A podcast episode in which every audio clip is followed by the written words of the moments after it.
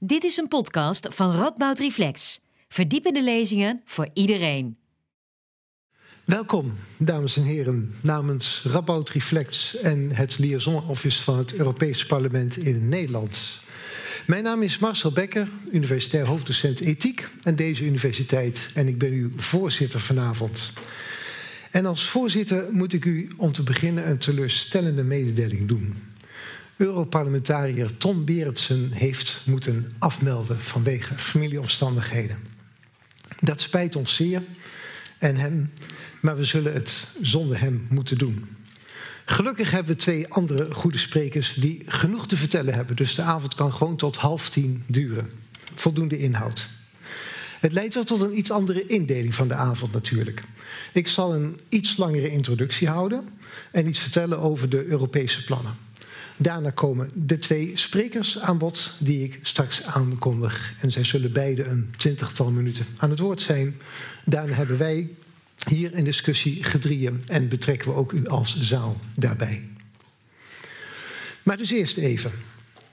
Uh, de Europese klimaatambities. En allemaal begrippen die in die Europese klimaatambities een rol spelen. Laat ik beginnen met een stelling. Weinig is logischer dan als het over klimaatpolitiek gaat, dan ook dat op Europees niveau te behandelen. Klimaat is een internationaal probleem. Klimaatbeleid moet je dus internationaal voeren en Nederland is lid van de Europese Unie. Dus het is een interessante, relevante, goede insteek om te praten over de Europese klimaatambities. Maar tegelijkertijd Europa is een raar bestuurlijk fenomeen. Men zegt Europa is verdeeld. Europa is traag. Volgens menigeen bureaucratisch. En dan bureaucratisch als men, zoals men dat dan uitspreekt met een negatieve toon daarin.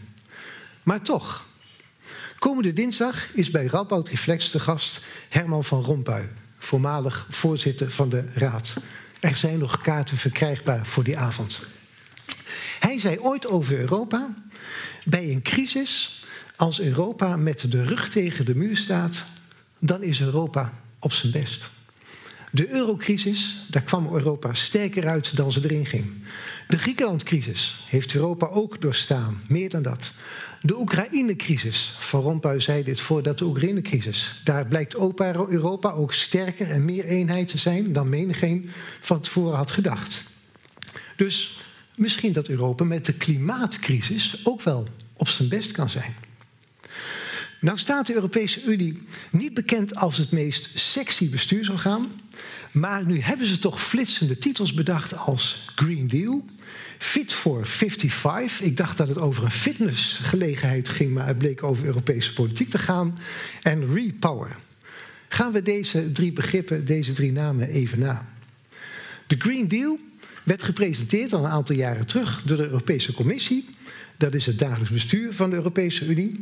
Met het idee, in 2050 zijn wij klimaatneutraal. En dat werkt door op alle fronten. Uitstoot van fabrieken, transport, voedsel, landbouw, bedenk het maar.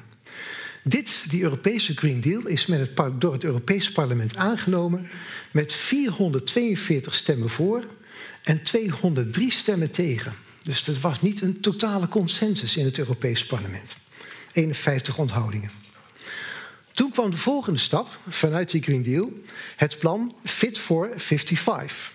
Dat is in juli 2021 gepresenteerd en dat betekent onder andere, dat betekent in de kern dat er voor 2030 niet 50, maar 55% reductie van uitstoot van broeikasgassen moet zijn.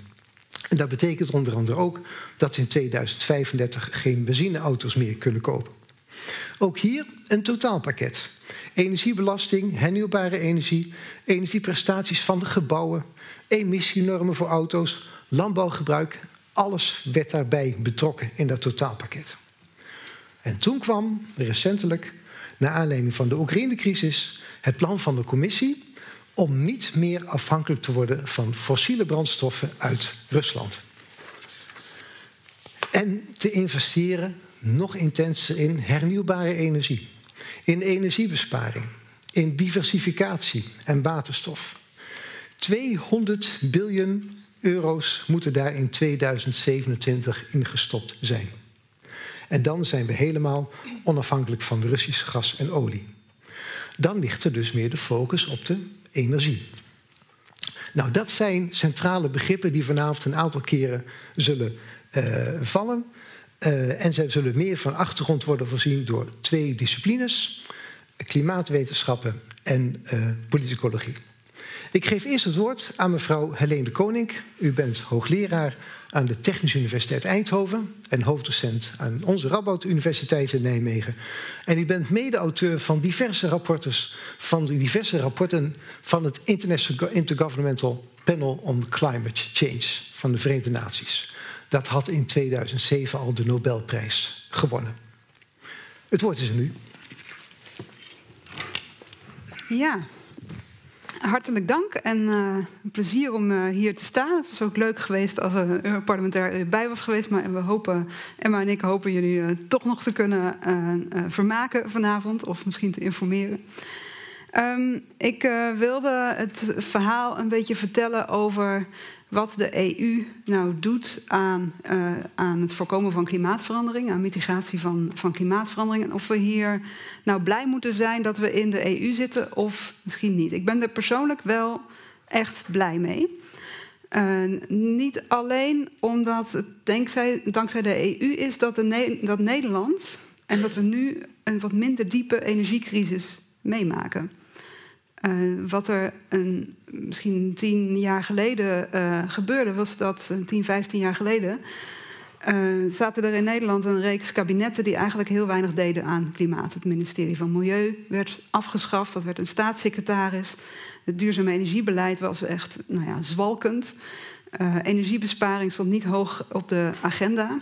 Maar gelukkig waren de EU-directives. Dat is echt de enige reden dat die doelen nog gehaald werden. En dat we nu dus echt wat verder op weg zijn in die verduurzaming van die energievoorziening. Waar we het nu allemaal over eens zijn dat dat eigenlijk een heel goed idee is. Tegelijkertijd kun je natuurlijk ook zeggen van de EU, hè, terwijl het al ja, decennia lang echt serieus aan klimaatbeleid uh, doet.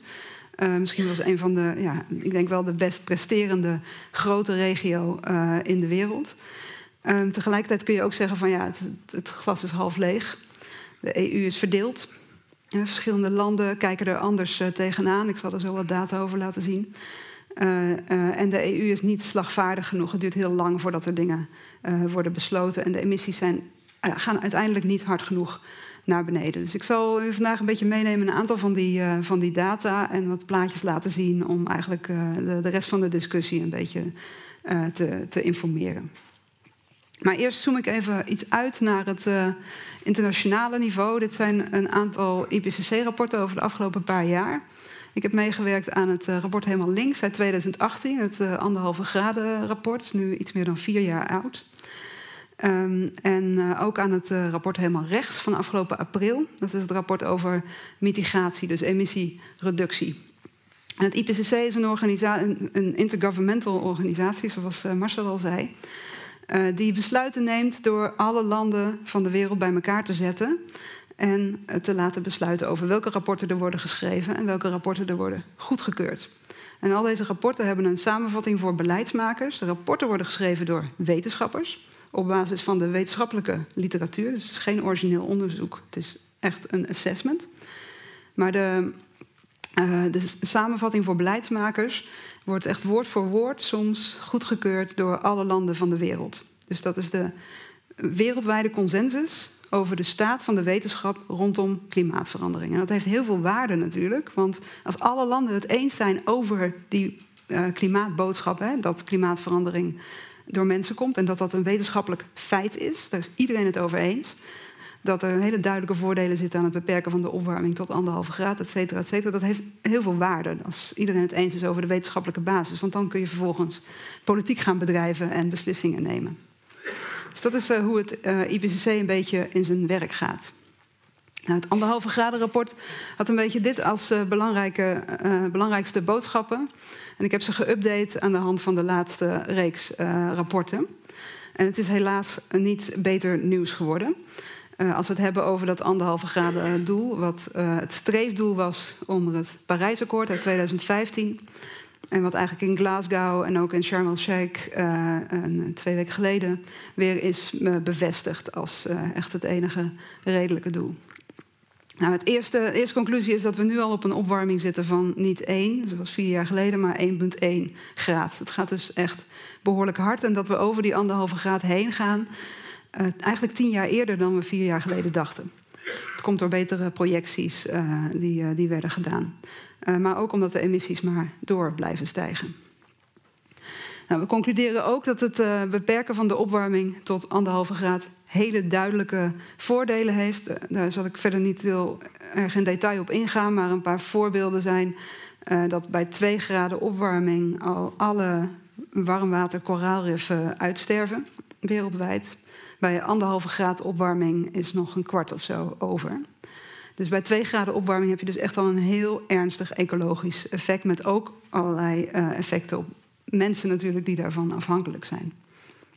Als je het hebt over bijvoorbeeld extreem weer, dan zien we in 2050 al echt een significant verschil tussen anderhalve graad scenario's en 2 graden scenario's. En extreem weer heeft een beetje als karakteristiek dat het mensen die, die kwetsbaar zijn hè, en die zich misschien net aan de armoede hebben ontworsteld, uh, bijvoorbeeld wat vee hebben. Die mensen worden vaak wel gered, gelukkig, maar hun uh, levensonderhoud niet. Hun oogst is mislukt, hun huis is weg, hun vee is weg. En dan vallen ze dus terug in armoede. En dat kan, het verschil tussen anderhalf en twee graden in 2050 is al honderden miljoenen mensen. Waar het verschil tussen anderhalf en twee graden niet zoveel uitmaakt, is voor zeespiegelstijging dat, gaat, het is eigenlijk een heel, dat is een heel langzaam proces. Dus dat gaat voor 2050 maakt het niet zoveel uit. Uh, dan worden ongeveer een miljard mensen sowieso uh, betroffen daardoor. Die hebben daar last van. Op allerlei verschillende manieren. Hè, tot hun huis verliezen en, en misschien overlijden. Tot uh, ja, dat, dat er af en toe een straat onderloopt of een riool overstroomt. Um, dus, dus het is niet bij alles dat er een heel groot verschil is. Op de lange termijn is er wel een groot verschil in zeespiegelstijging. Dus als je het over 2300 hebt, hè, dat is op zich nog best ver weg. Maar hè, Amsterdam staat er al duizend jaar. Uh, ik weet niet of het er over duizend jaar nog steeds staat. Ik denk dat het zijn langste tijd gehad heeft. Um, dus het beperken van de opwarming tot anderhalve graad, hoe meer, hoe meer je het beperkt, des te kleiner de effecten uh, en, ja, en des te uh, kleiner de schade dus. Nou, we concluderen ook dat we die opwarming nog wel kunnen beperken tot anderhalve graad, ook in het laatste rapport. Maar dit vergt echt systeemtransformatie, systeemtransities. We moeten echt allerlei dingen fundamenteel anders gaan doen. We moeten zo hard met die emissies naar beneden, echt in 8% per jaar of zo. Uh, netto nul in uh, CO2 in 2050 mondiaal. Halveren CO2 2030 mondiaal en niet alleen maar in Europa. En ook dus in arme landen. Uh, dus dat is een enorme opgave. Het kan nog wel, het kan technisch, het kan economisch. Uh, maar institu institutioneel zitten er heel veel barrières. Nou, als we wachten totdat alle landen hun plannen voor het uh, Parijsakkoord hebben uitgevoerd, die hebben als deadline 2030, dan, dan gaan we zeker over die anderhalve graad heen. Dus die plannen moeten ambitieuzer en sneller worden uitgevoerd. En we concluderen dat als we het hebben over andere uh, duurzame ontwikkelingsdoelen, zoals bijvoorbeeld biodiversiteit of het uh, verkleinen van ongelijkheid, het bestrijden van armoede, dan gaat dat eigenlijk beter in een anderhalve graden pad dan in een hoger temperatuurpad. Dus duurzame ontwikkeling in een brede, andere maatschappelijke doelen en die klimaatmitigatiedoelen, die hebben elkaar nodig. Het een kan niet echt zonder het ander. Um, niet altijd trouwens, er zijn wel wat uh, trade-offs, maar die, die zijn veel minder groot dan de synergieën. Nou, als je kijkt wat er uh, ook net voor uh, Sharm el-Sheikh is uitgekomen uh, volgens de VN en hoe goed we op weg zijn, dan zit er nog een behoorlijk gat tussen waar we zouden moeten zijn met onze mondiale ambities en, en vooral in de implementatie van beleid. Maar tegelijkertijd is ook goed nieuws te melden, want als je daar kijkt naar dat bovenste streepje, dan zie je de 2010 beleidsscenario. Dat was eigenlijk in het eerste rapport van, de, uh, van uh, dit soort, het Emission Gap Report uh, uit 2010. dus ongeveer tien jaar geleden kwam de eerste uit. Toen was de projectie nog dat we echt op 4 graden opwarming zouden zitten. Nu is de projectie dat we op 2,8 zitten. Dus het is echt al uh, beleid werkt. Er wordt beleid gevoerd, de kosten van hernieuwbaar gaan naar beneden. We zien steeds meer effecten. Op sommige plekken gaan de emissies naar beneden. En, uh, en dat, dan zie je dus ook dat dat uh, invloed heeft op de verwachte temperatuurstijging. Het is nog steeds 2,8. Dat is natuurlijk niet waar we willen zijn. maar als de plannen worden uitgevoerd, de ambities worden uitgevoerd en ook de ambities voor 2050 worden uitgevoerd van de landen, dus wanneer ze netto nul zijn, EU klimaatneutraal in 2050, China in 2060, India in 2070, dan komen we op een opwarming van ongeveer 1,8 graden. Nou, dat is nog steeds geen anderhalf, maar het is al wel echt een stuk beter.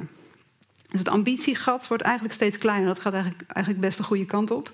Het implementatiegat uh, blijft erg groot.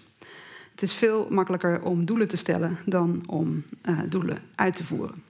En dat zien we. En daarom is de EU denk ik ook zo belangrijk. Want dat is echt een uitvoeringsorganisatie. Die, die maakt beleid van die uh, doelen en zorgt dat het wordt uh, geïmplementeerd. Dus dat is een beetje de boodschap van, van dit uh, plaatje. Nou, als we het hebben over die hele snelle emissiereducties, oh, ja, dus echt over in, in, Nederland, als je het hebt over klimaatneutraal zijn of in Europa in 2050. Klimaatneutraal betekent dat je alle broeikasgassen netto nul zijn. Dus net zoveel broeikasgassen stoot je nog uit als je eigenlijk uit de atmosfeer trekt. En omdat we eigenlijk alleen maar CO2 uit de atmosfeer kunnen halen en niet andere methaan en N2O kun je dat niet echt mee doen, moet je CO2-neutraal zijn al ruim voor 2050. Dus al over een jaar of twintig of zo. Terwijl iedereen het altijd heeft over hè, CO2-neutraal in 2050, maar eigenlijk moet je daar al voor zitten. Uh, dus ja, EU eh, CO2-neutraal in 2042 of zo, zeg over 20 jaar. Nou, dat komt redelijk overeen met wat het uh, emissiehandelssysteem uh, in het Fit for 55-pakket ook beoogt. Dus uh, dit wil eigenlijk vanaf 2042 geen nieuwe credits meer uitgeven. dus dat is eigenlijk wel mooi, mooi in lijn met dit soort met het pad, pad. Maar in Nederland merk ik er niet zoveel aan. Wat, wat je wel ziet, is dat je om echt op netto nul uit te komen, dat is eigenlijk een soort wereld die we ons nog niet goed kunnen voorstellen. Uh, en dat, daar, daarom zeggen we in de wetenschap vaak dat je daarvoor echt die systeemtransities nodig hebt. Die systeemtransformaties die ik ook al in de context van IPCC-rapporten noemde. En wat we daarmee bedoelen is eigenlijk dat je niet alleen maar een aantal technologieën implementeert of je gedrag een beetje verandert. Maar echt dat alle prikkels in het systeem anders gaan werken. Uh, dat je niet alleen maar, als je, stel je hebt het over je elektriciteitssysteem, dat ligt eigenlijk het verst voor van alle sectoren. Dan heb je het niet alleen maar over uh, meer uh, wind en zon en probeer dat je hele elektriciteitssysteem te laten zijn. Dat betekent ook dat mensen veel meer zelf gaan produceren. Dus dat ze een andere verhouding krijgen met hun energievoorziening. Dat de wetgeving moet gaan veranderen. De elektriciteitsmarkt werkt op een spotmarket. Uh, dat zal anders gaan werken met variabele bronnen. Dat je moet gaan betalen voor opslag van elektriciteit, waar nu eigenlijk niet echt een markt voor is.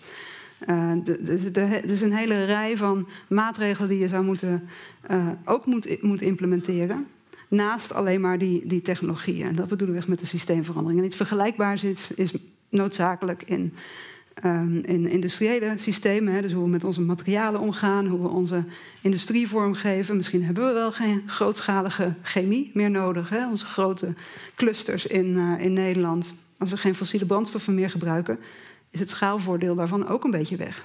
Als we biomassa, plastics en CO2 uit de lucht gaan gebruiken als koolstofbronnen, dan kun je misschien wel naar een veel kleinschaligere chemie.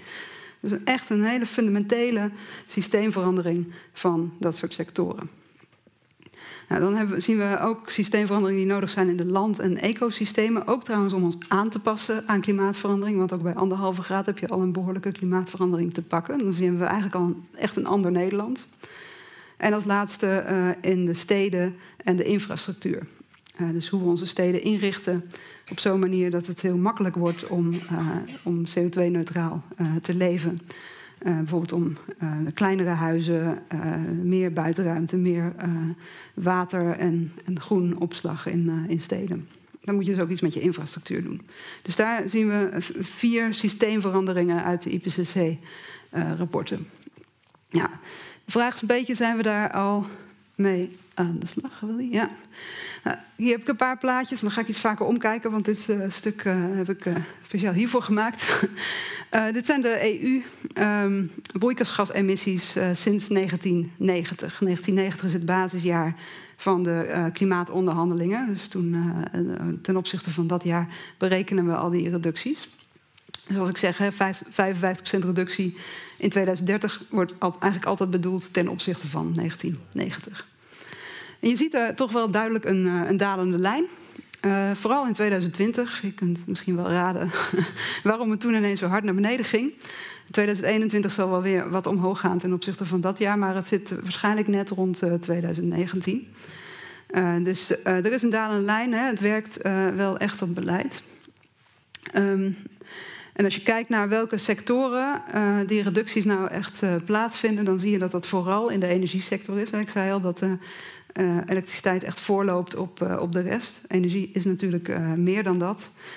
Um, ook in, in landbouw en in de industrie zien we wat reducties. En in transport zien we het eigenlijk, mobiliteit zien we het eigenlijk een beetje stabiel blijven. In het begin nog een beetje dalen, de laatste tijd een beetje stabiel. Over de hele EU 27. Dus daar zit echt nog wel een uitdaging om de emissies naar beneden te krijgen. bijvoorbeeld, we hebben wel doelen voor uh, uh, gram CO2 per kilometer van een vehikel, van een, van een auto. Maar intussen, dat geldt per categorie uh, auto's. Maar intussen zijn we allemaal veel grotere auto's gaan rijden. Ik weet niet, inmiddels hebben we bijna net zulke grote auto's in de EU als in de VS. Waarvan we altijd dachten, nou, die hebben allemaal grote auto's en wij rijden kleine autootjes. Dat is echt inmiddels niet meer zo. Dat ligt ongeveer op hetzelfde niveau. Hoe dat is gebeurd, ja, ondanks het beleid wat erop bestaat. Maar goed, we gaan nu, uh, de, nieuwe doelen zijn wel uh, wat scherper en gaan echt naar geen CO2-uitstoot meer. Wel een forse materiaalbelasting, uh, want die auto's blijven groot, hebben batterijen, et cetera. Dus daar moet je ook rekening mee houden. Um, als je kijkt naar verschillende landen, dan zie je er toch wel flinke verschillen. Dit geeft de broeikasgasuitstoot per hoofd van de bevolking aan. Dus de totale uitstoot gedeeld door het aantal inwoners in een land. Um, en dan heb je het grijze zijn de CO2-emissies en het rode blokje uh, zijn de andere broeikasgasemissies. Uh, nou ja, je ziet dat uh, Luxemburg eruit springt. Iemand enig idee? Staalfabriek. Staal. Precies, ze hebben een staalfabriek en een raffinaderij volgens mij. En ze hebben uh, een hoop benzinestations. waar dus al die vakantiegangers uh, tanken. En zo wordt die CO2 uh, eh, berekend. Op basis van hoeveel olie er wordt verkocht. Hoeveel benzine er wordt verkocht. Dus die paar dingen bij elkaar. die drijven de, de emissies van Luxemburg behoorlijk op. Nou, dat is wel interessant. Je ziet dat bijvoorbeeld Ierland heeft een hele grote niet-CO2 uitstoot. Iemand enig idee? Ja, veel veengronden, ook veel vee. Uh, ja, dat uh, speelt ook mee. Ja, ja je ziet uh, toch behoorlijk wat variatie. Hè? Malta met hele lage emissies, Frankrijk eh, met lage emissies dankzij kernenergie. Ehm, ja, er zijn. ja. Maar alles bij elkaar, ehm, ja. Over het al, ik heb er geen plaatje van, maar uit het laatste IPCC-rapport bleek wel dat de EU, of de, ik moet zeggen Europa, dat was de regio, heeft inmiddels lagere per capita emissies dan China.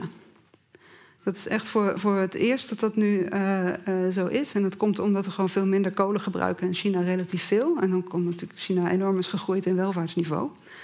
En dat op een hele uh, koolstofintensieve manier heeft, heeft gedaan. dus eigenlijk kun je daar niet meer echt onderscheid maken. Je ziet dat Europa dat steeds meer doet. Daar moet ik overigens bij, wel bij zeggen dat dat territorial emissions zijn, zoals ze zeggen. Dat is de emissies van onze eigen uitstoot. dus onze auto's die bij ons rijden, onze fabrieken. Als wij iets kopen wat in China is gemaakt, dan gaan, zijn die emissies voor China en niet voor ons.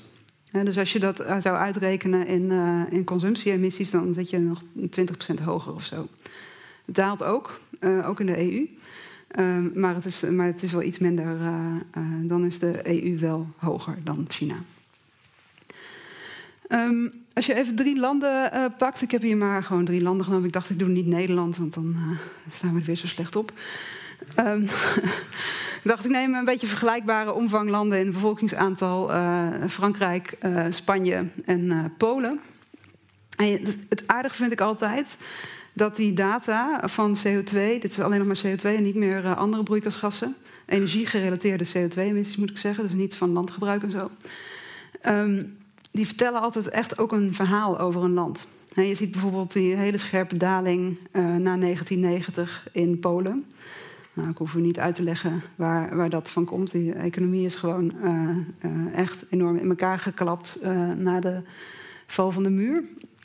en dat zie je dus echt in de emissiecijfers. Er ging gewoon heel veel industrie dicht.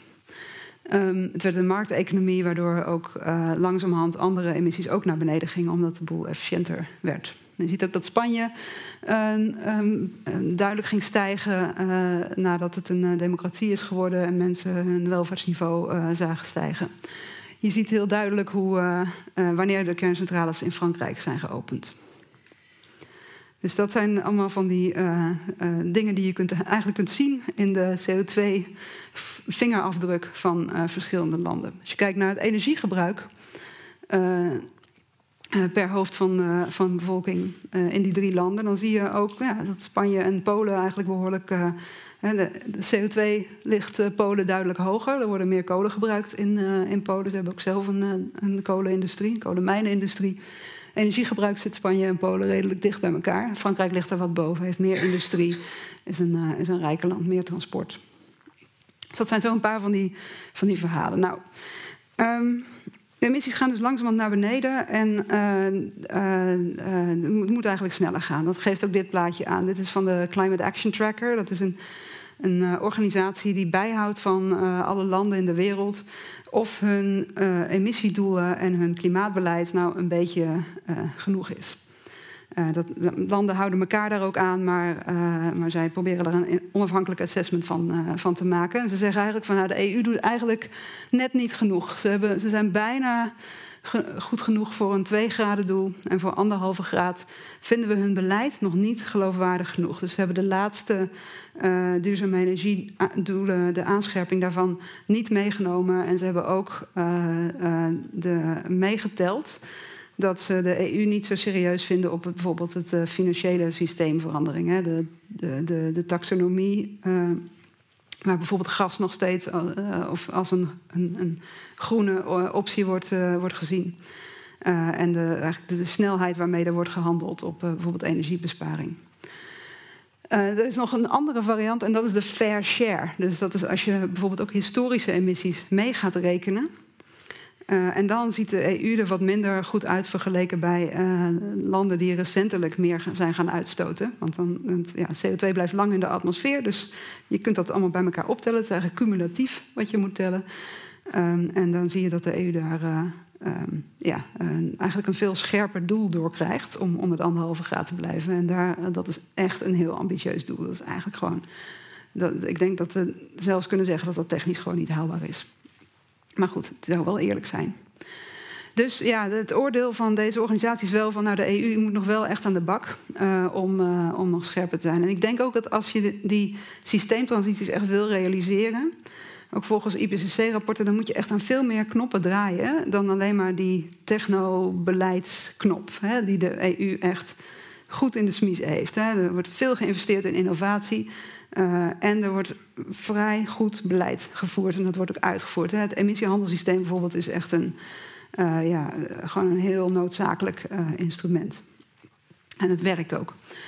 Um, maar daarnaast, waar de EU veel minder op inzet, bijvoorbeeld, is in menselijke gedragsverandering. en hoe je dat zo goed mogelijk kunt inzetten om het andere beleid wat te vergemakkelijken. Want er zijn veel meer mensen die veel meer willen doen, maar die eigenlijk door het systeem niet echt in staat zijn uh, gesteld om dat, uh, om dat te doen. Wordt juist door bureaucraten, die denken vaak heel erg techno-economisch, die, die vergeten die kans uh, vaak. Um, wat ik wel echt heel sterk vind aan de EU is die inzet op die rechtvaardige transities, waar ook Timmermans heel erg achteraan zit. deze systeemtransities moeten heel snel gaan. Er zitten hele duidelijke verliezers bij. Uh, en om die ook mee te krijgen en eigenlijk perspectief te bieden, uh, moet je gewoon inzetten om ook, het, om, om, ook die verliezers te kunnen compenseren en wel een, uh, een goede toekomst te bieden. Dus daar is de EU wel in ieder geval enigszins mee bezig. Um, en ik denk dat dat een heel sterk en noodzakelijk punt is. Dus ja, mijn, mijn, pleidooi is eigenlijk voor de EU om veel meer in te zetten om breder op meer van die puzzelstukjes dan, dan alleen maar het beleid maken, wat ook heel erg nodig is, maar, maar onderdeel van het geheel.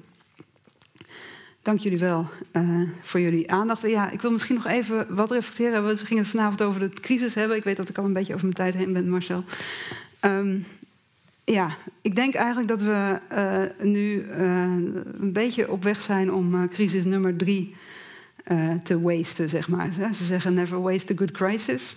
De financiële crisis hebben we echt, ja, die hebben we echt ja, verspeeld eigenlijk we hadden ons, we hebben banken genationaliseerd. Op dat moment had je dus kunnen zeggen: uh, ga dat groen investeren, dat geld wat op die bank staat. Eigenlijk niet gebeurd. Dit was in 2008, 2009. Je kunt zeggen, misschien was de urgentie nog niet zo hoog toen.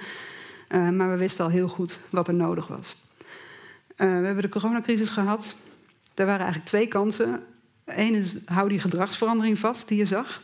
En twee is, in al die herstelfondsen investeer dat op een groene manier. Allebei eigenlijk niet gebeurd. We zitten nu met een energiecrisis.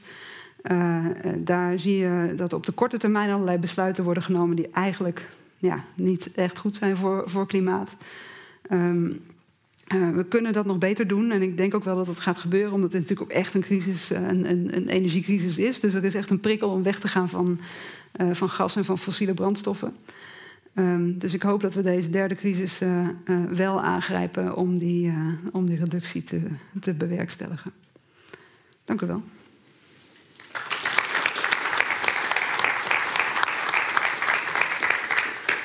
Dankjewel Helene voor je heldere verhaal met zoveel data inzichtelijk gepresenteerd over een glas vol dat half leeg is. En toch een mooie correctie op de uitspraak van, uh, van Rompuy. Dat kan dinsdag nog uh, meegenomen worden als hij toch hier in Nijmegen langskomt. We gaan naar de volgende spreker. Dat is uh, Emma Leenders. U bent politicoloog en doet bij bestuurskunde onderzoek naar Europees klimaatbeleid. We zijn benieuwd naar uw follow-up naar de harde data die we net gehoord hebben. Het woord is aan Emma Leenders.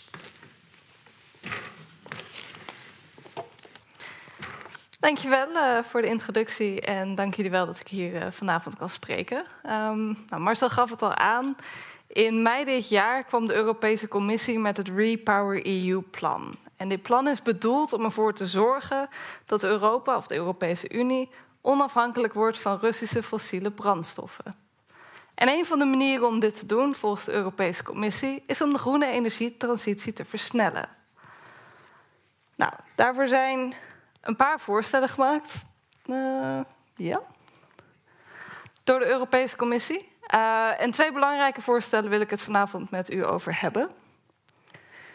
Het eerste voorstel is de RED. Dit is een richtlijn voor hernieuwbare energie. En de Europese Commissie heeft gezegd: Goh, wij moeten ons doel verhogen. Wij willen dat in 2030 uh, 45% van de Europese energiemix hernieuwbaar is. Dus dat is het voorstel van de Europese Commissie. Het andere voorstel is de EED. Ook daar zegt de Europese Commissie: we moeten ambitieuzer zijn. Laten we er met z'n allen voor zorgen dat we 13% energie besparen in 2030 in vergelijking met een theoretisch referentiekader. De lidstaten zijn momenteel aan het onderhandelen onderling en met het Europees Parlement over wat deze doelen nou daadwerkelijk gaan worden. Zij moet het besluit gaan nemen. De Europese Commissie heeft alleen het voorstel gedaan. Helene gaf al heel goed aan, er is haast. De oorlog in Oekraïne bedreigt onze energievoorziening. Klimaatverandering bedreigt onze gehele planeet. We moeten wat gaan doen. En tegelijkertijd is er nog heel veel oneenigheid tussen lidstaten. Lidstaten hebben verschillende posities. De EU is redelijk traag af en toe, volgens velen. Ik wil u daarom vanavond kort meenemen in een beknopte analyse van hoe zo'n proces, zo'n besluitvormingsproces nou eigenlijk werkt en hoe die verschillende posities van lidstaten onder andere ontstaan. De eerste vraag waar we aan moeten denken bij EU-beleid is: wie mag hier eigenlijk een besluit over nemen? Sommige beleidsterreinen zijn echt nationale competenties. Bijvoorbeeld gezondheidszorg, toerisme. Lidstaten nemen hier besluiten over. De Europese Commissie of de EU mag helpen, maar er hoeft niet overlegd te worden op Europees niveau. Andere beleidsterreinen, zoals concurrentie op de interne markt in de Europese Unie, die moeten juist in de EU besproken worden. Is natuurlijk ook belangrijk. Eén land kan niet zelf besluiten hoe de concurrentie op de gehele interne markt zou moeten zijn. Energiebeleid is een hybride veld. Sommige aspecten worden op nationaal niveau besloten en andere aspecten worden in de Europese Unie besproken onder de lidstaten. Klimaatbeleid wordt ook meestal op Europees niveau besproken. De RED en de EED zijn dus een voorstel van de Europese Commissie en worden op Europees niveau besproken. Ze worden besproken door zowel het Europees Parlement als de Raad van Ministers. In de Raad van Ministers zitten de ministers van de lidstaten die verantwoordelijk zijn voor het onderwerp, onderwerp wat besproken wordt op dat moment in de Raad. In het geval van de RED en de EED hebben we het dan over de Nederlandse minister van Klimaat en Energie, momenteel Rob Jetten, een bekende op deze universiteit. Ik focus vanavond voornamelijk op de Raad van Ministers, dus de onderhandelingen tussen de lidstaten. Maar dat is eigenlijk nog niet voldoende. Op het moment dat er een akkoord is bereikt, zowel in het Europees Parlement als tussen de lidstaten in de Raad van Ministers, gaan deze twee instituties nog met elkaar onderhandelen, zodat er uiteindelijk één geheel akkoord komt en Europese grensoverschrijdende problemen op Europees niveau aangepakt kunnen worden.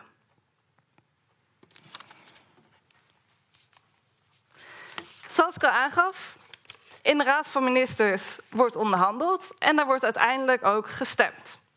En in de Raad van Ministers is daarvoor een meerderheid nodig, maar dat is een dubbele meerderheid, ook wel een gekwalificeerde meerderheid genoemd.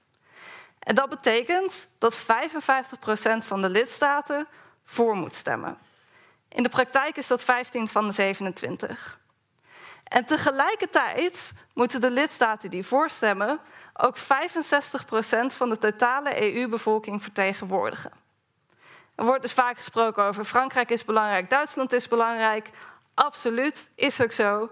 Maar in een eentje komen ze niet heel ver. Ze hebben die meerderheid nodig. Als tenminste vier lidstaten die samen meer dan 35% van de totale EU-bevolking tegenstemmen, dan spreken we van een blokkerende meerderheid die een wetsvoorstel dus kan blokkeren. Hoe werken die onderhandelingen in de Raad? Als we over internationale onderhandelingen spreken, uh, kijken denken wetenschappers vaak aan een two-level game. Een spel op twee niveaus dat door de regeringen van lidstaten moet worden gespeeld. Op het eerste niveau, het nationale niveau, moet het kabinet een positie ontwikkelen. Hier spelen uiteraard politieke belangen mee, maar ook technische overwegingen over wat een wetsvoorstel nou eigenlijk betekent voor een land zoals Nederland. Verschillende groepen in de samenleving, bedrijven, NGO's, burgers, uh, proberen ervoor te zorgen dat hun belangen vertegenwoordigd zullen worden door politici in Europa. Politici proberen ook steun te winnen in de samenleving. Ze willen goed beleid maken en ze willen natuurlijk ook herkozen worden. Als die positie er eenmaal is, dan moet de regering die Nederlandse positie in de EU verdedigen. Tegelijkertijd hebben we het hier over onderhandelingen en een grensoverschrijdend probleem. Het is belangrijk dat er een compromis wordt gevonden. Op sommige aspecten zullen lidstaten dus toe moeten geven aan elkaar. De kans is klein dat een lidstaat volledig het pakket krijgt wat hij wilde. En als lidstaten uiteindelijk tot een compromis zijn gekomen en het wetsvoorstel definitief is, dan moet het vaak weer op nationaal niveau geïmplementeerd worden. En het is dus belangrijk dat het ook op nationaal niveau geaccepteerd wordt. Dus tijdens die Europese onderhandelingen moet de minister nadenken over hoe het compromis op nationaal niveau zou vallen. Het Europese niveau en het nationale niveau moeten constant in de gaten worden gehouden. Eigenlijk is de regering dus bezig met onderhandelingen aan twee tafels: de Europese Unie en het nationale niveau. En om te zorgen dat die implementatie zo goed mogelijk lukt, zowel, zo, um, om te zorgen dat die implementatie zo goed mogelijk lukt, zal een lidstaat vaak een positie aannemen die uh, zo min mogelijk kosten met zich meebrengt op het moment dat een wetsvoorstel geïmplementeerd moet worden. Dus een lidstaat een regering probeert ervoor te zorgen dat het compromis zo goed mogelijk bij de lidstaat past. Bijvoorbeeld door een positie in te nemen die in lijn is met nationaal beleid, wat toch al geïmplementeerd zou gaan worden. Of door een positie in te nemen die iets ambitieuzer is dan nationaal beleid en niet ontzettend veel ambitieuzer. Dus de posities van lidstaten worden vaak beïnvloed door de sociale, politieke en economische context van die lidstaat. En om dit wat meer te illustreren wil ik de verschillende nuances van drie verschillende lidstaten een beetje uitlichten voor die RED en die EED. Ten eerste Nederland. Als het gaat om klimaatbeleid, valt Nederland vaak in het ambitieuze kamp. Tegelijkertijd is er ook heel erg de vraag: wat is haalbaar? Recent, de recent onderzoek van onderzoeksbureau TNO heeft aangetoond dat het huidige en aangekondigde beleid niet voldoende is om die energiebesparingsdoelen zoals in de EED voorgesteld door de Europese Commissie te halen. Aanvullend beleid is dus nodig. Tegelijkertijd zou zo'n extra energiebesparingsdoel in het kader van de EED het wel makkelijker maken om het hernieuwbare energiedoel van de RED te halen. Als we minder energie verbruiken, is het makkelijker om een wat hoger aandeel hernieuwbare energie te hebben. Er is dus heel erg een politieke keuze die gemaakt moet worden. Hoeveel willen we betalen voor deze transitie? Waar liggen onze prioriteiten? Hoe wordt er in de rest van Europa naar ons gekeken? We hebben een ambitieuze uh, reputatie om hoog te houden. Tot nu toe heeft de regering aangegeven dat Nederland redelijk positief staat ten opzichte van die ophoging van het doel van de EED. Maar dat de regering ook zeker nog aan het kijken is naar de haalbaarheid. Er is dus nog geen definitieve positie aangenomen. In de Franse strategie om CO2-emissies te beperken, Helene noemde het al even, speelt kernenergie een hele grote rol. Begin dit jaar kondigde de Franse president Macron aan dat hij uh, nieuwe kernreactoren wil laten bouwen. En ongeacht of dit hem lukt of niet, het is duidelijk dat kernenergie uh, belangrijk is voor Frankrijk. Ook om onafhankelijk te worden van die Russische fossiele brandstoffen. Alleen, volgens de definities in de EU is kernenergie geen hernieuwbare energie. En een hoger EU-doel voor hernieuwbare energie is dus waarschijnlijk niet in lijn met, het, met de Franse inzet op kernenergie.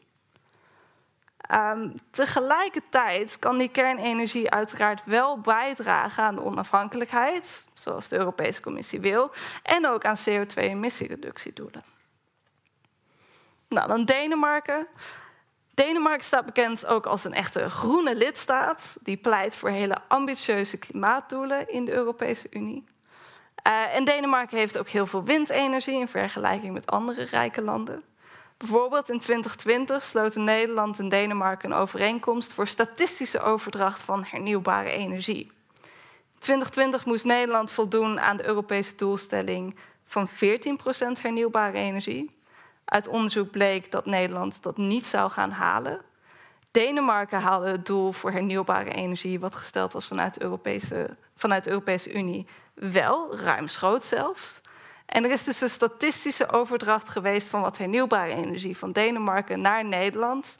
Uiteraard um, tegen een vergoeding. Uh, wel een vergoeding overigens die vervolgens ook aan groene projecten is besteed. Um, en Denemarken zet, zoals ik zei, de afgelopen jaren al heel erg in op uh, hernieuwbare energie.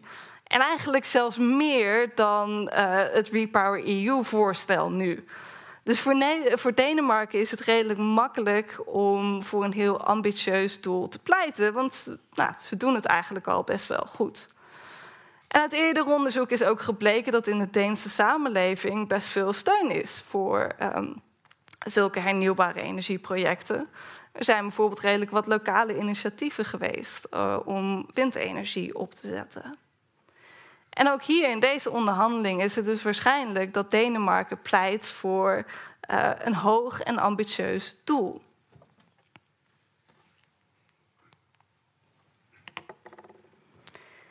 En nu? We hebben verschillende posities, gebaseerd op veel verschillende belangen. Lidstaten houden zowel het nationale niveau als het Europese niveau in de gaten en moeten daar iets van een compromis vinden, die ook op nationaal niveau geaccepteerd en uiteindelijk geïmplementeerd moet gaan worden. Um, en uh, nou, dat kan op vele verschillende manieren. Er wordt keihard onderhandeld momenteel. Dat is ook heel belangrijk. Uh, desondanks gaat het traag. Er moeten veel verschillende belangen worden afgewogen. En ook hier, ik zou toch weer even willen terugkomen op die crisis. Er zijn wel mogelijkheden inderdaad waarin een crisis kan leiden uh, tot, tot een besluit over beleid wat eerst onbespreekbaar zou hebben geleken. En dat is niet altijd het geval.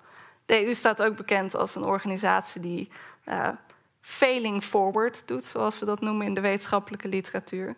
Telkens een klein stapje nemen, wel in de goede richting, net niet genoeg, in een volgende crisis beland raken, weer het volgende stapje moeten nemen, weer kijken of er iets kan gebeuren.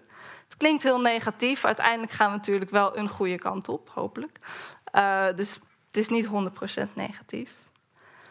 Maar ik hoop uiteraard um, dat deze oorlog in Oekraïne, een verschrikkelijk, uh, ja, verschrikkelijke oorlog, uiteindelijk toch leidt tot iets, iets heel positiefs uh, in gang zet. En dat ondenkbaar beleid, zulke ambitieuze doelen, toch in de Europese Unie kunnen worden aangenomen.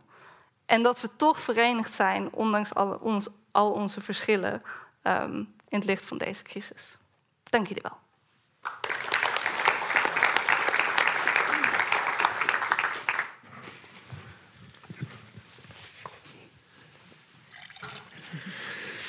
Dankjewel uh, Emma voor dit.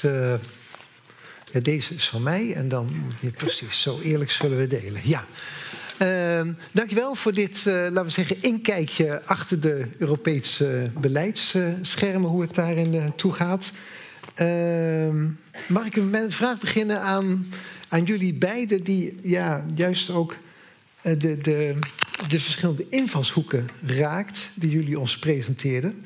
Ehm, het uh, ehm, IPPC zegt in rapporten op haar website dat haar reports are policy relevant, but not policy prescriptive.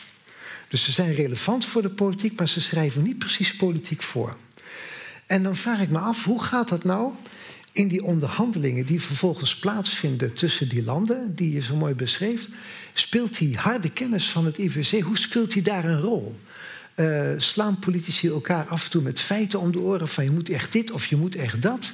Of zitten wetenschappers regelmatig met politici ook aan tafel om tegen te zeggen je moet vooral dit zeggen hoor, met die onderhandeling? Hoe gaat dat? Die, die, die, die kloof tussen politiek en wetenschap, wordt die ook overbrugd? Mag ik dat eerst aan u en dan uh, aan u vragen? Ja, kijk, um, het klopt, hè, dat is het motto van IPCC: beleidsrelevant en niet beleidsvoorschrijvend. En dat, dat, dat is vooral op internationaal niveau. Dus op de EU, daar weet ik dan niet zo goed van. Uh, niet zo goed, dat kun jij beter zeggen, denk ik.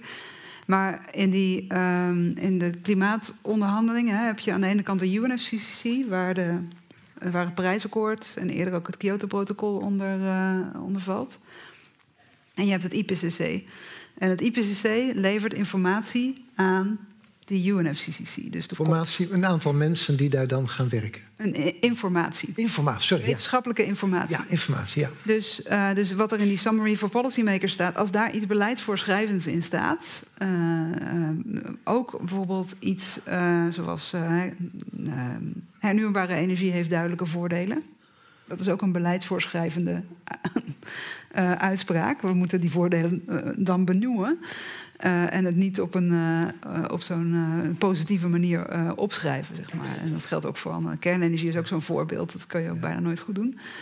Um, maar in ieder geval, je moet zo neutraal mogelijk blijven. Zodat je als IPCC niet op de stoel van die beleidsmakers van de UNFC gaat zitten.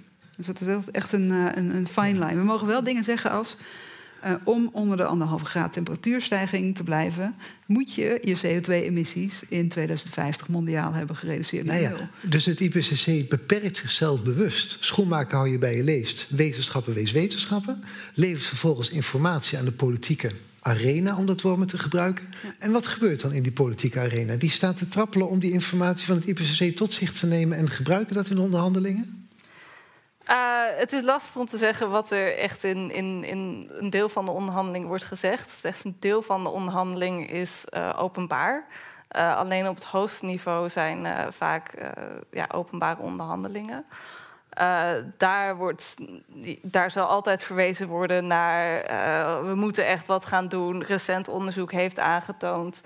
Um, ik denk echter ook dat nou ja, Nederland zal dat zeggen. Uh, misschien dat een minder ambitieuze lidstaat, bijvoorbeeld in Polen, uh, dat wat uh, meer naar de zijkant schuift. Ehm, ik denk wel op dat nationaal niveau, als die positie wordt ontwikkeld, ja, dan wordt er natuurlijk wel heel erg gekeken naar wat betekent dit nou eigenlijk? Halen we de doelen hiermee? Hoe werkt dat precies? Ehm, ja, en daar heb je de inzicht uit wetenschap voor nodig. Doet de overheid overigens ook zelf onderzoek voor. Uh, doet de Europese Commissie overigens ook zelf onderzoek voor. Op het moment dat er zo'n wetsvoorstel is, komt er vaak een onderzoek van de Europese Commissie mee met wat dit betekent. In bredere zin, dus ook voor de samenleving, financieel. Um, dus ja, de inzichten worden meegenomen. Slaan ze elkaar ermee om de oren? Zou ik niet willen zeggen. Ik denk dat daar in het hoge politieke spel de posities eh, redelijk duidelijk zijn. Uh, ja. vast. ja, nou toch even dezelfde vraag op een iets andere manier geformuleerd. Uh, er wordt heel wat afgelobbyd in Brussel, heb ik wel begrepen. Moeten wetenschappers niet een sterkere lobby hebben? Of hebben ze die? Ik zou dat echt niet weten, eerlijk gezegd. Volgens mij, eh, de, eh, wat jij al zei, heeft, ieder uh, direct heeft, gaat met een, uh, heeft een, een, impact assessment erbij. Dat is eigenlijk een soort wetenschappelijke studie naar wat de, in, de impact zijn op bijvoorbeeld werkgelegenheid, op economische groei, op emissies, op allerlei factoren. Um, en en, en op die, dat wordt, wordt meegenomen. Maar de wetenschap zelf, ja, die hebben natuurlijk een. waar het over wetenschapsbeleid gaat, hebben die een lobby. Uh, uh, maar het is geen belang in het hele krachtenveld uh, als zodanig. Dus ik denk nee. dat, maar dat kan Emma misschien beter zeggen.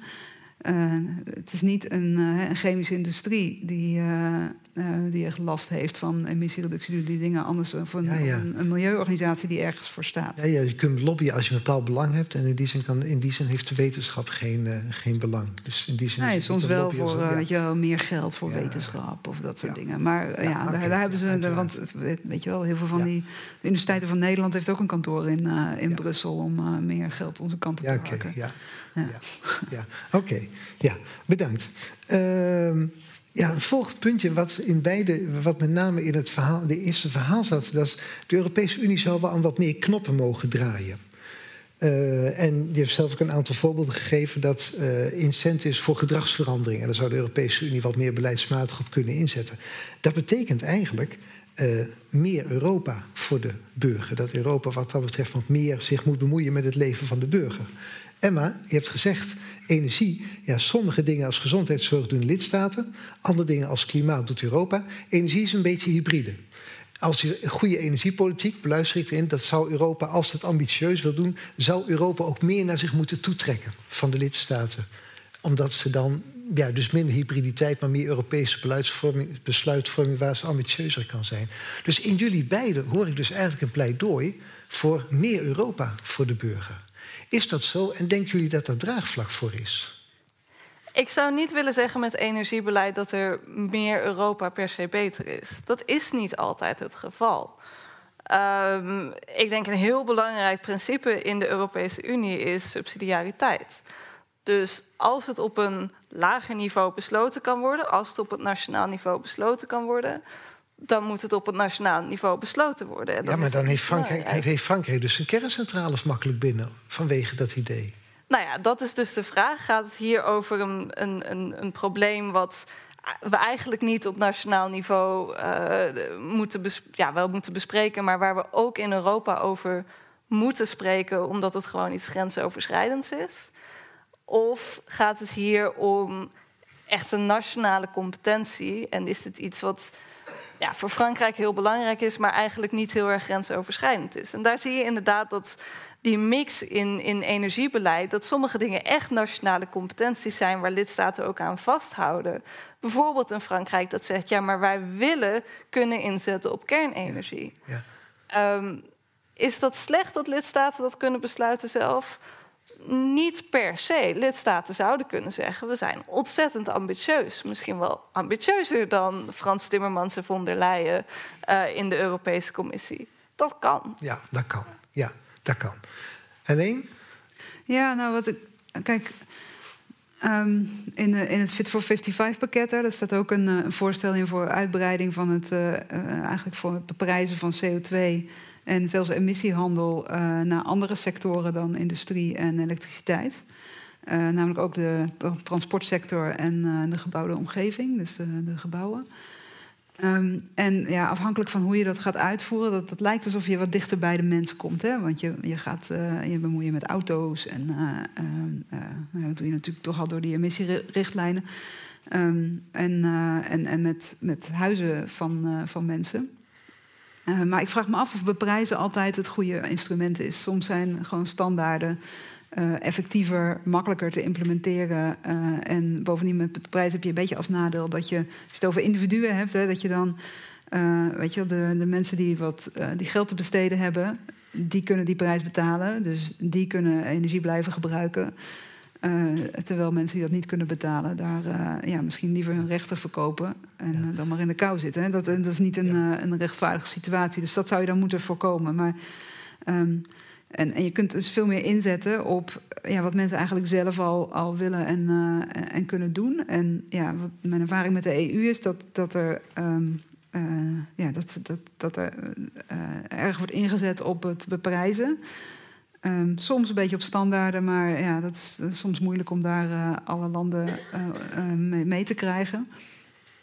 Waardoor je eigenlijk niet echt het, ja, het optimale beleid voert. En, en ook de snelheid niet altijd kunt bereiken. Want ja, CO2-prijzen, dat legt geen waterstofpijpleidingen aan. Of, en, en, op een gegeven moment, ja, zijn, iedereen een individueel CO2-budget is ook niet een, noodzakelijkerwijs een wenselijke situatie. Ja, Maar die standaard, heeft het de voorkeur wat u betreft dat die uit Europa komen... of dat die door de lidstaten worden vastgesteld? Nou, ik denk dat, eh, dat, Europa hele effectieve standaarden heeft, ook al. Hè? Bijvoorbeeld voor, uh, uh, voor, voor energiegebruik van huishoudelijke apparaten. nu straks ook voor, voor auto's worden ze flink aangescherpt. dus ja, dat, ik denk dat, dat het helpt om dat Europees te hebben. Omdat je omdat vaak producenten voor een Europese markt uh, produceren. Dus als je voor één land, als je ieder land zijn eigen standaarden heeft, dan is het uh, ook niet efficiënt ja, ja, ja. Speelt draagvlak een rol in de beschouwing van wetenschappers? Want eh, sociale wetenschappers kunnen over draagvlak praten. Laat ik het zo zeggen, in de coronatijd is wel geklaagd dat dat coronabeleid vooral door mensen vanuit medische achtergronden werd gemaakt en dat er meer sociaal-wetenschappelijke kennis bij had kunnen komen over om goed draagvlak te creëren voor beleid in de samenleving.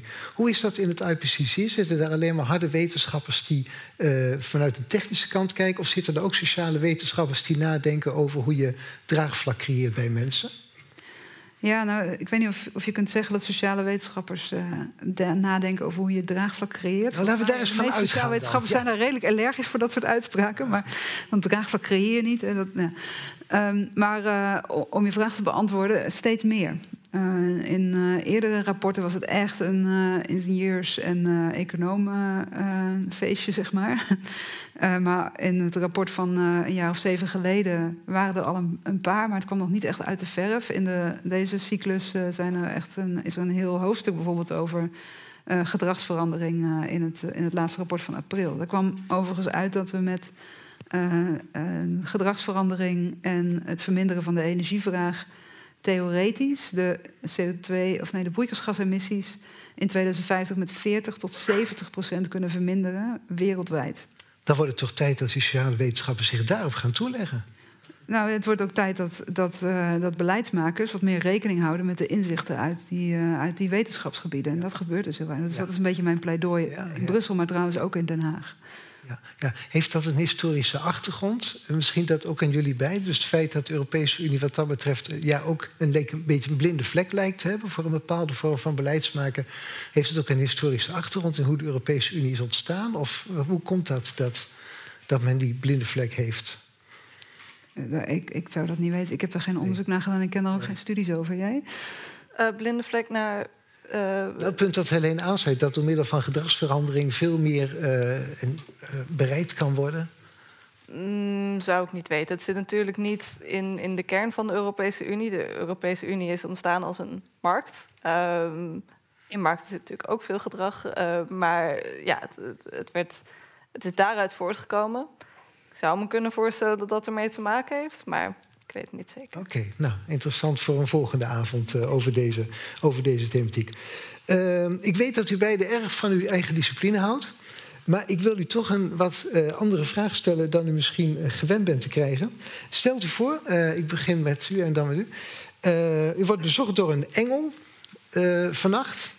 En die biedt u de keuze dat u voor vijf jaar de komende vijf jaar mag kiezen voor een van de volgende functies. En dan is de bedoeling om het klimaatbeleid zoveel mogelijk bij te stellen.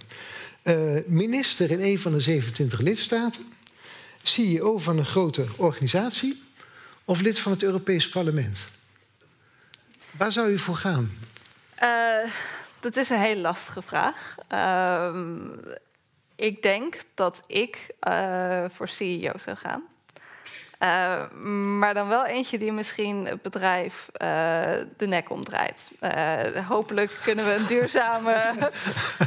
hopelijk kunnen we een duurzame transitie doorzetten. Maar um, ja, daar het, het, echte verschil gaan maken. Ik bedoel, Helene zei het al, beleid is ontzettend belangrijk. En een minister en Europarlementariër zijn daarvoor ontzettend belangrijk.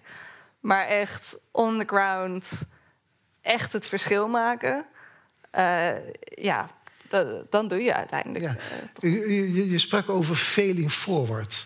Ligt dan dat failing ook dat de politiek ja, soms wel rekening moet houden met grote bedrijfsbelangen, waardoor ze niet kunnen doorzetten wat ze eigenlijk willen?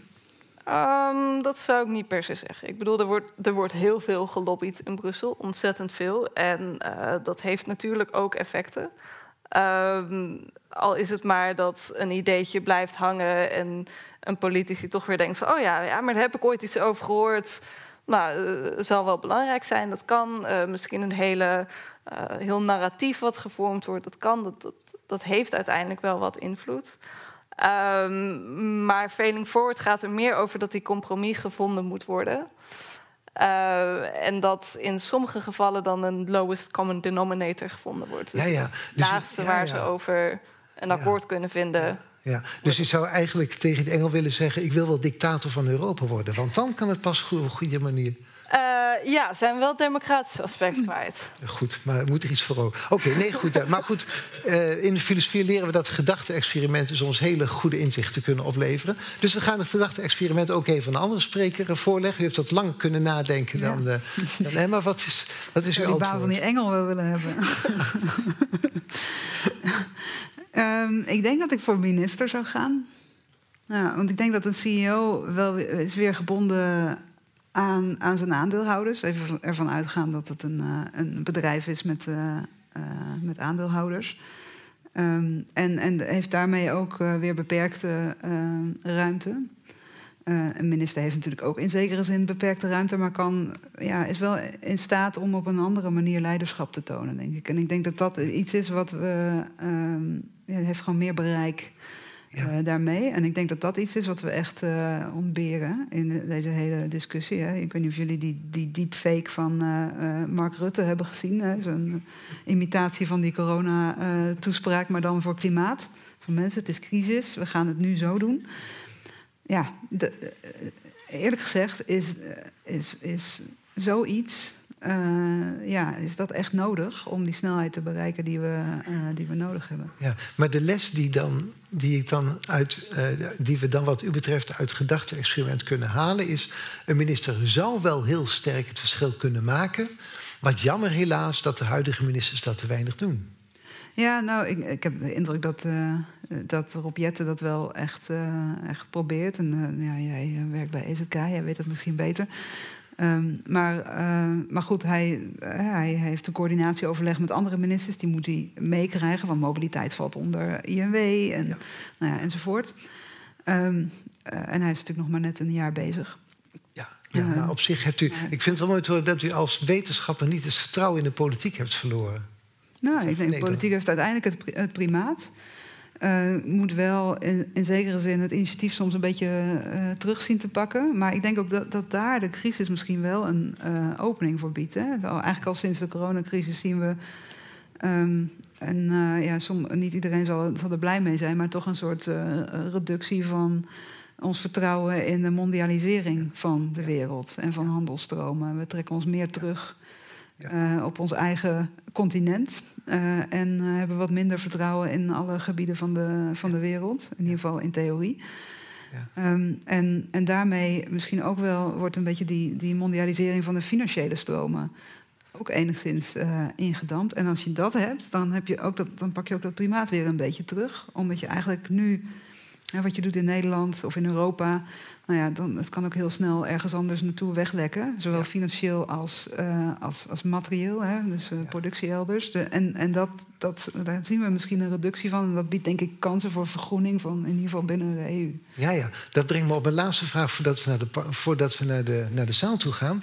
Uh, in, de, in de presentatie van de plannen van de Europese Unie zie ik ook meteen de ambitie dat het natuurlijk niet ten koste van de minder draagkrachtige mag gaan.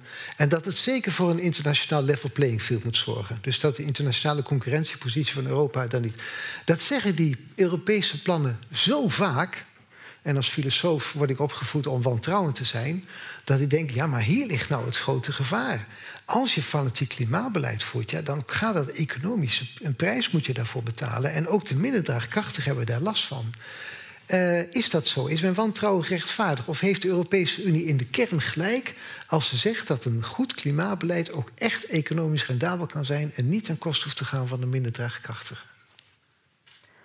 Uh, de technische kant van dat verhaal vind ik lastig. Ik nee, kan wel vertellen wat. Ja. Uh, dus de cijfers zou ik niet weten. Ik weet niet of dat uiteindelijk ja, um, economisch rendabel kan zijn. Ehm, ik weet wel dat de Europese Unie het probeert. Uh, ik weet ook dat de Europese Unie uh, voorstellen maakt om, nou ja, wat Helene al noemde, uh, zometeen een extra emissiehandelssysteem, ook voor gebouwde omgeving en transport.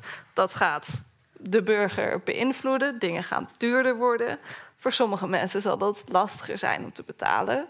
Uh, daar houdt de Europese Commissie rekening mee. Dus nou, deze uitbreiding van het emissiehandelssysteem is voorgesteld.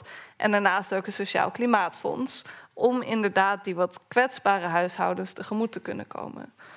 Uh, dat is altijd een afweging die moet worden gemaakt. Nederland over het algemeen is minder uh, positief over extra EU-fondsen. Andere landen zeggen, nou ja, dat is wel heel belangrijk. En zijn minder positief over zo'n uitbreiding van het emissiehandelssysteem. Daar kan een mooie compromis gevonden worden. Beide komen. Ja, het is uh, geen holle retoriek in ieder geval. Er wordt echt hard aan gewerkt. Er wordt echt hard aan gewerkt, ja. absoluut. Ja, ja. ja um, kijk, of het uh, economisch uit kan, uh, dat hangt heel erg af van hoe je het regelt. ik denk dat een, een van de voorwaarden voor klimaatbeleid is een goed sociaal vangnet ik noem het ook al in mijn, uh, mijn presentatie, dat is, is, dat je ervoor zorgt dat die transitie, die, uh, die deels erg pijnlijk zal zijn, vooral voor groepen die, uh, ja, die nu ja, profiteren eigenlijk van het fossiele en het onduurzame landbouwsysteem.